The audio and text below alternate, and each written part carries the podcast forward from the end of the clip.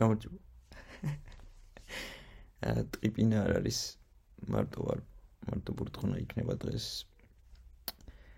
აა იმიტომაც ვერ ჩავწერეთ ამდენი ხანი რომ ყველა ყველა ეპი პოდკასტის ყველა ეპიზოდი რომ მაგით იწყება რომ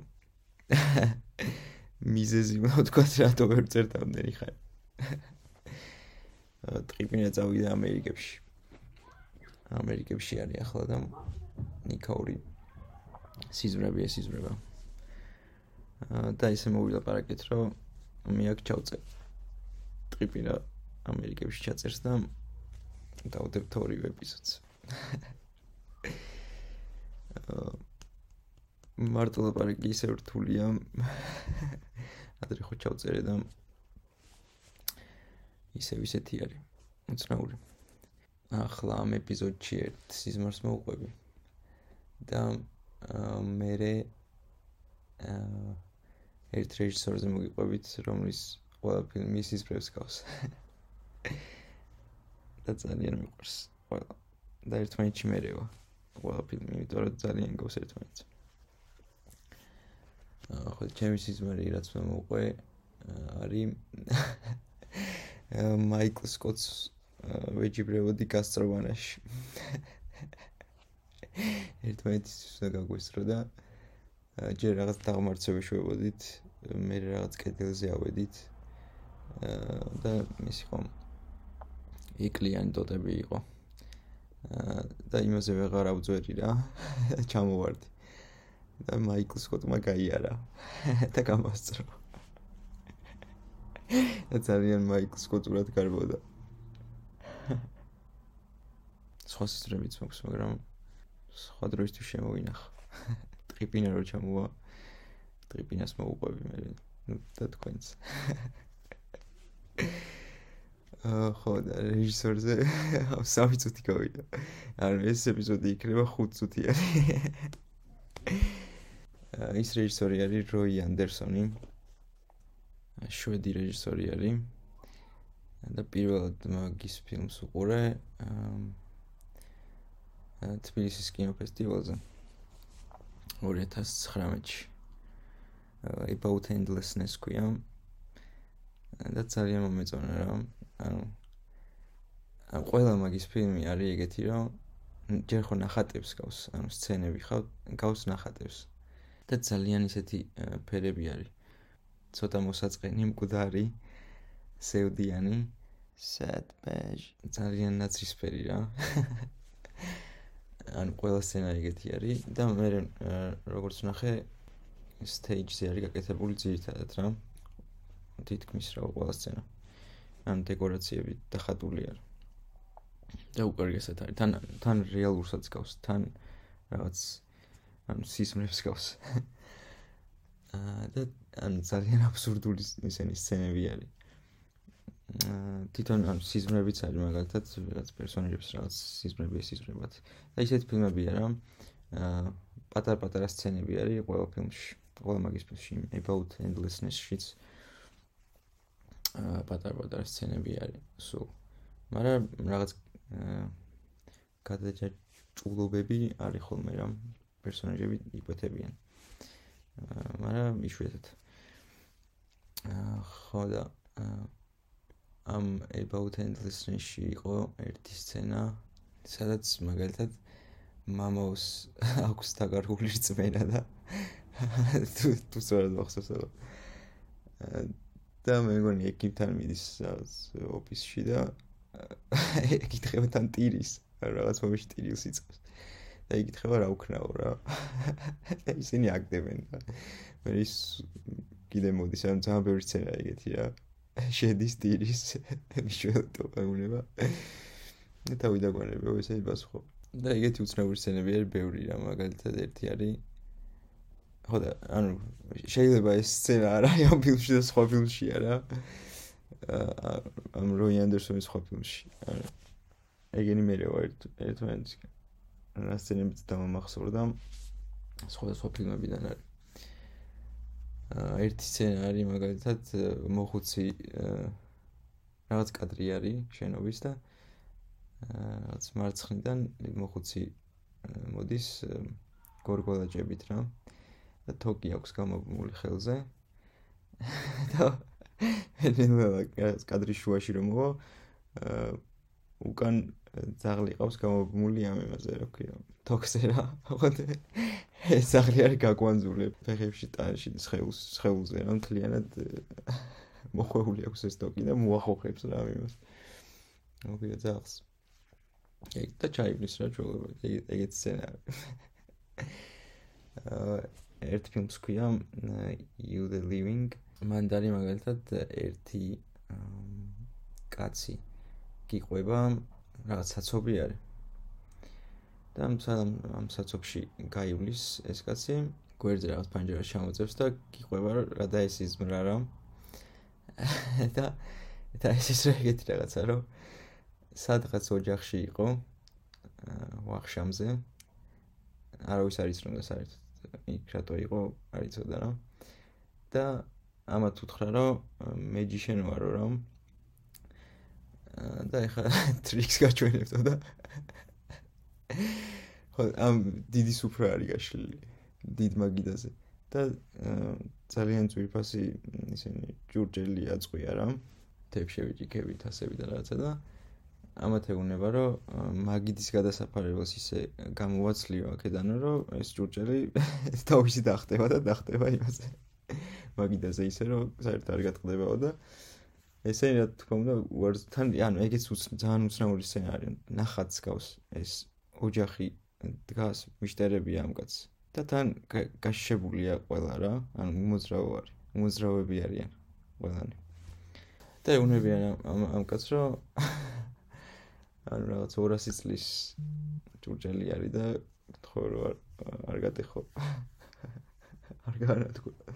არა ეს არის ნერვიულად მე რაღაც ის ვარ რა ქვია. მეჯიშენ და რაღაც. და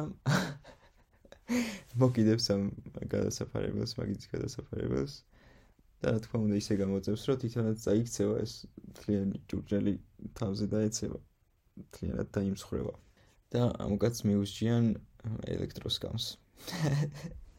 და მე რაღაც ოთახში შეყავთ ელექტროსკამს სვამენ ეს ტირის და და იქიდან რო უყურე ადრე რო იყო რა შუშის იქიდან რო უყურებენ ხოლმე ამ სანახაობას ულამაზეს. იქ ოჯახი ზის იქ და ამას უყურებენ და ნუ მე მან წდება იქ სიზმარი. და ეს კაციც ნელა იმ სასობიდან გადის რა. და ბოლოს ამბობს რომ ვინ მოიგონა ელექტროს კამერა საშინელი არის, საშინელი არის. ახლა ეს ეგეთი სცენები არის, თან ძალიან ლამაზი არის, თან აა ჩაოლებრივ ადამიანებზე არის რა. ჩაოლებრივ პრობლემებზე რო წუწუნებენ მაგალითად. ერთი ა ერთი სცენარი ფსიქიატრი არის და ეს კამერისთან დგება და გიყურებს, გიყვება რა. და თან ანუ კოდარი სახია ყოველას ანუ რაღაც ისეთი გრიმი უსიათ რომ ფერი არც ერთი იმას რა ქვია პერსონაჟს არ ადევს სახესე რა და გარემოც ფერი ფერებში არის და ეს ფსიქიატრი თან ხო თეთრიაცია ეს ფსიქიატრი გიყვება რომ რაღაც წლები არის ამ პროფესიაში არის და ძალიან დაიღალა რა. და მიხვდა რომ ადამიანები ძალიან სუდები არიან. და რო ცდილობდა რომ რაღაცა ბედნიერები გაიხადა ეს ადამიანები არ გამოსდიოდა რა და დაიღალა და ეხლა რასაც ვაკეთებო, ანუ შევეშვიო რა, საერთოდ აღარ ვცდილობ რომ რაღაც დავეხმარო. და ეხლა რასაც ვაკეთებო, რაღაც ტაბლეტებს გამოვუწერო, წამლებსო, რაც უფრო ძლიერი იქნება მით უკეთესიო და სო რა, ანუ მეც კარგად ვცნობ თავსო და ისინი მკიდიაო უკვე, იმიტომ რომ წლები ვეცადება რომ ოდნავ მაინც ბედნიერები ყოფილიყვნენ და არა მაინც ისეთები არიანო რა, ცუდები. კიდე რა სცენა მახსენდება აა კიდე ერთი სცენარი ეგეც სიზმარი არის. ახალ დაქორწინებული წყვილი არის. რაღაც მოძრავ სახლში შეხედან რა და მე სახლი მიდის. მე მგონი ლიანდაქს მეუყვება. და ესენ შიგნი არიან რაღაც ამ შარვა კოსტუმი ეწვია ბიჭს, გოგოს თეთრი კაბა და ეს ბიჭი გიტარაზე უკრავს რა. ამ თელ რაღაც ქალაქს გადიან და სადღაც სადღაც აჩერებენ რა. ხალხი რაღაც პანჯარაზე სხდებიან მე ეს ბიჭი უკრავს კიდე და ხალხი რაღაც ბედნიერდება და ხელს უკნევენ და რაღაც. ანუ ეგეც ძალიან გაი სცენარი. აა ყველა სცენარი არ მოგიყვეთ არ მაინც ვერ მოყვება ყველა სცენას, იმიტომ ძალიან ბევრი სცენარი. თან ბევრი ფილმი აქვს რა. ძალიან ბევრი არა, მაგრამ ცოტა ფილმი არ აქვს. ხო და რა ფილმებიც მინახავს, იმიტომ რომ მინდა ამაზე ლაპარაკი, რომ რა ფილმებიც მინახავს. ყველაზე მეტად გროი ანდერსონის ფილმები გავს სიზურებს. და რავი, ალბათ ჩემი საყვარელი რეჟისორი არის ერთ-ერთი.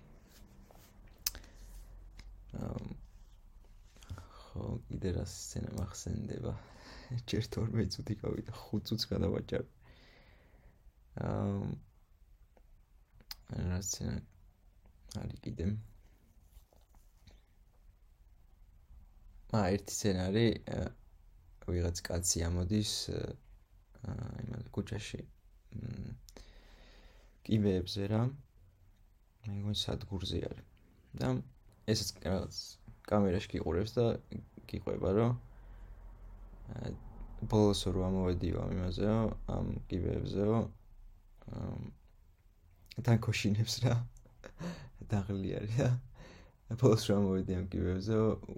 უიგზენიო რომ უკან რომ ამოდიოდი უიგზენიო რომ უკან ვიღაც მომყვებოდა და რომ მივხედავ ჩემი ძველი კლასელი იყო რა. და მივესალმე. და მოვიკითხე როგორ ხარ და ჩაიარავ ან საერთ ყურადღება არ მომაქცია გაიარ და წავიდაო რა. მე რიგ გამახსენდაო რომ ბავშვობაშიო რაღაცა ვაწყენინეო და ალბათ მაგითო. და მე ამას რო ყვება უცებ ვიღაც კაცი ამოდის იმ კიბეებიდან და გახედავს ეს და ის ტიპი არა ისე და ისე ესალმება ეს და ეკითხება რომ როგორ ხარო და ის ისე ყურადღებას არ აქცევს ჩაივლის. ძაგა ისენა ა კიდევ ვიღაც ორი ორი ტიპი არიან ჩემოდნებით დადიან ყველგან და ცდილობენ რომ ისინი გაყიდონ რა ქვია ყურები და ცხვირები და რაღაც სახის ნაწილები უდევთ ამ ჩემოდნებში. და მაგებს ყიდიან. ეს ძალიან კაი არის. მაგათ უყურეთ რა როი ანდერსონის ფილმებს. ძალიან მოგეწონება ჩემი აზრით ან ძალიან სასაცილო არის თან სევდიანი არის თან მუსიკაც კარგი აქვს. ანუ ძირითადად კლასიკური მუსიკა ადევს ხოლმე ამ სცენებს და ცოტა ოპერაც.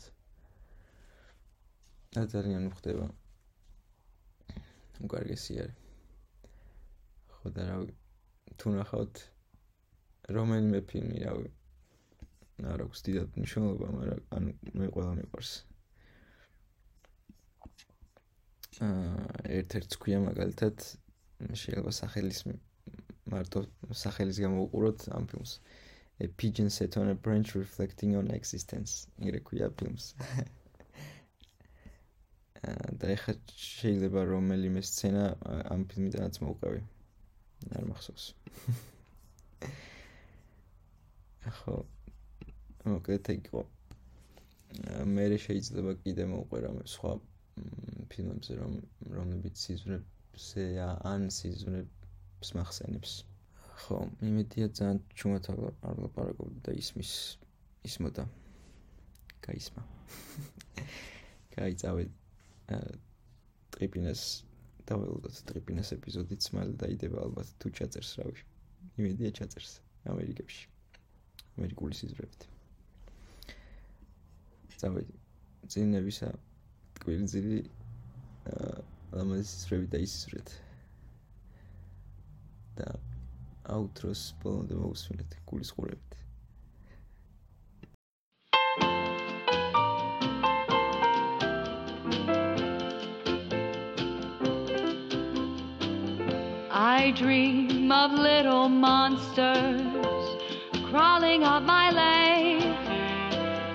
I fear they'll come again if I go to bed. I wish that something else would be in my dreams. But here come those little monsters crawling up my leg. I dream of dying babies, and why do they smile? I hate those dying babies. Why don't they